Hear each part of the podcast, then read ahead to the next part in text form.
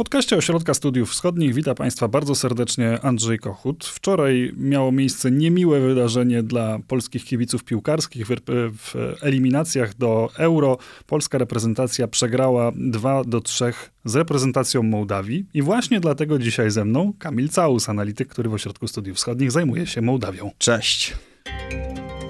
To jest podcast Ośrodka Studiów Wschodnich.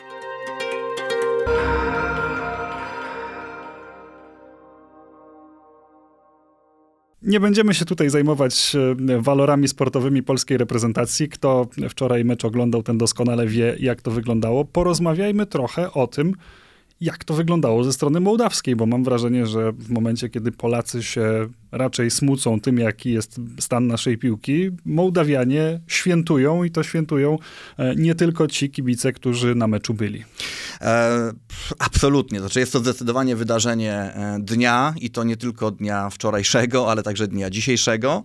E, I tak jak mówisz, no nie będziemy tutaj raczej mówili o samej piłce nożnej i jej walorach, szczególnie, że muszę tutaj zrobić pewien coming out. Ja się naprawdę średnio interesuję piłką nożną. E, za to interesuję się życiem politycznym w Mołdawii i muszę powiedzieć, że ten mecz... E, Dlatego dużo lepiej przeżyłeś wczorajszy dzień. E, to tak, to prawda. I ten mecz no, odbił się szerokim echem w środowisku mołdawskich polityków. Mieliśmy komentarze właściwie wszystkich ważniejszych e, postaci publicznych na czele z panią prezydent Sandu, z panem premierem Dorinem Reczanem. jeśli sobie zobaczymy, teraz przyjrzymy się, jakie są, e, jaki jest ten message, który oni, oni w tych swoich komunikatach wysyłali, to on jest bardzo ciekawy właśnie z punktu widzenia politycznego, bo to jest e, message o sile, jedności, sukcesach, które można w ten sposób odnieść i message o mm, tym, jak to sport y, i tego typu właśnie sukcesy, które są dowodem na to, że warto pracować, warto się wysilić, jak tego typu rzeczy są tak naprawdę sukcesem całego kraju. Całego kraju, który jest krajem przecież podzielonym. No właśnie, tak? przypomnijmy, Mołdawia to nie jest y, jednorodny, jednolity kraj, jest tam kilka problemów związanych z terytorium. Chociażby Naddniestrze, czy chociażby, które jest w ogóle separatystycznym e, bytem, e, niezależnym od Kiszyniowa de facto, a z drugiej strony mamy Gagauzję, która, no okay, jest częścią mm, Mołdawii, ale wieczne napięcia między autonomią gagauską a Kiszyniowem występują.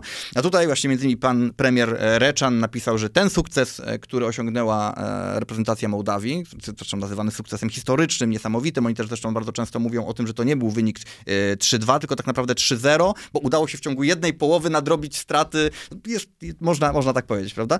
Więc pan, pan premier Reczan stwierdził, że to jest coś, co cieszy wszystkich, to jest dowodem właśnie na słuszność współpracy, wysiłku i tak dalej, od y, Tyraspola do Bielc, czyli od stolicy Naddniestrza do, do, do Bielc, które są na północy Mołdawii. Od y, Oknicy, to jest taka miejscowość na granicy z Ukrainą, e, do Czaderlungi, to jest znowu miasto w Gagauzji, tak? I tak dalej, i tak dalej. Zresztą tego typu w ogóle komunikaty pojawiały się też w innych wypowiedziach. To, ten sukces czy w ogóle to kwestia reprezentacji mołdawskiej, to jest coś bardzo takiego wygodnego do budowania tej narracji jednościowej. No bo popatrzmy sobie nawet na nazwiska, tak? Kto właściwie strzelił te gole, kto był takimi kluczowymi postaciami. No z jednej strony mamy trenera e, Siergieja Kleścienko, który jest Mołdawianinem, ale po nazwisku możemy sądzić i, i, usłyszeć, że jest to człowiek o pochodzeniu ukraińskim. Z drugiej strony mamy napastnika, który wczoraj strzelił dwa gole, czyli Jona Nikolajewsku, no, który jest Mołdawianinem o charakterystycznym rumuńskim nazwisku i wreszcie człowieka, który rozstrzygnął wczorajszy mecz nazwiskiem Baboglo, a Baboglo to jest bardzo charakterystyczne, klasyczne nazwisko gagauskie. Rzeczywiście urodził się w, w Gagauzji, e, potem przeprowadził się na Ukrainę i tam wychowywał. Zresztą ma też takie, wyraża bardzo, bardzo silne poparcie chociażby teraz dla broniącej się Ukrainy. Więc to wszystko razem jest takim bardzo wygodnym y, tematem politycznym, który politykom mołdawskim potrafi powiedzieć, widzicie, działamy razem, możemy być podzieleni, ale kiedy działamy razem, potrafimy osiągać niesamowite sukcesy. Zanim zaczęliśmy to nagranie, powiedziałeś bardzo ciekawe zdanie, że Mołdawii od zawsze brakuje swojego Lewandowskiego. Tak, i ja absolutnie nie jestem autorem tej frazy. Usłyszałem to od pewnego mołdawskiego kolegi, kiedy rozmawialiśmy właśnie na temat tych podziałów historycznych w Mołdawii. Wielokrotnie o nich rozmawialiśmy tutaj na, na, na, na łamach naszego podcastu, e, czy pisałem o tym w analizach, więc do tego od, odnoszę. I rzeczywiście, tak, są problemy dotyczące stosunku do przeszłości sowieckiej, rosyjskiej, kwestii języka. I to, czego rzeczywiście Mołdawianom brakuje w tej chwili, to są takie niekontrowersyjne, ale dające dumę sukcesy. Czyli właśnie to, to, to, to, to tutaj zostało sprowadzone przez tego mojego znajomego do, do nazwiska Lewandowskiego. Bo rzeczywiście tak jest. Jeśli sobie teraz spojrzymy na media mołdawskie, to one od prawa do lewa, od prorosyjskich do prorumuńskich, wszystkie cieszą się z sukcesu mołdawskiej drużyny. Tu nie ma dyskusji, tak? Nasi wygrali, w Naddniestrzu się z tego cieszą. Wszyscy się generalnie cieszą, że Mołdawia wygrała z Polską w meczu, który wydawał się w zasadzie przegrany.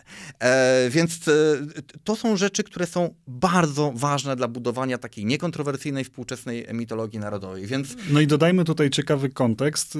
To jest taki przypadek, kiedy to wreszcie Mołdawia, Mołdawia, że podkreślę, e, może się cieszyć z własnego sukcesu piłkarskiego, ponieważ do tej pory Mołdawianie, jeżeli cieszyli się z piłkarskich sukcesów, to tak naprawdę cieszyli się z, druży- z sukcesów drużyny, która rezyduje w Naddniestrzu, no i jest sponsorowana przez tamtejszego oligarchę Dokładnie, dokładnie tak, tak jest. Do tej pory tak naprawdę... Czyli szerif. E, szerif, tak, szerif, zespół szerif Tyraspol. Do tej pory to szerif Tyraspol był taką dumą Mołdawii, to mimo, że znajdował się e, na terytorium separatystycznego Naddniestrza, Naddniestrza był de facto takim, taką, taką wisienką na torcie, takim symbolem e, tej mm, e, nieuznawanej republiki.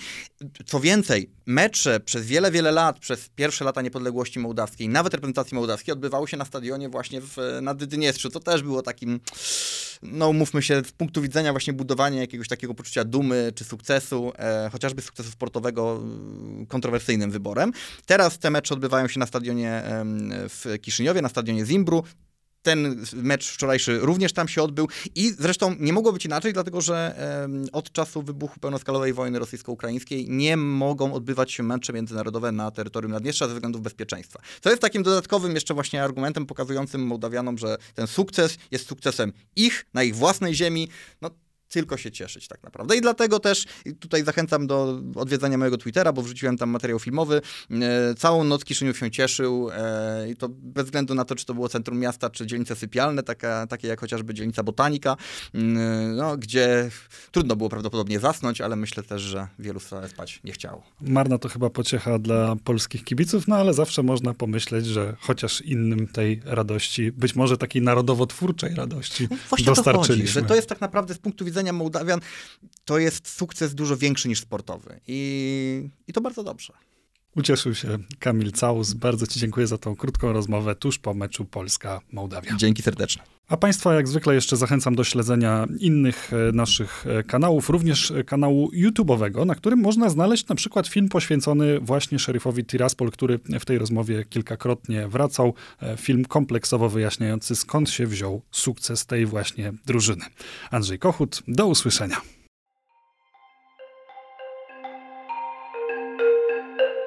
Wysłuchali Państwo podcastu Ośrodka Studiów Wschodnich. Więcej nagrań można znaleźć na stronie www.osw.waw.pl.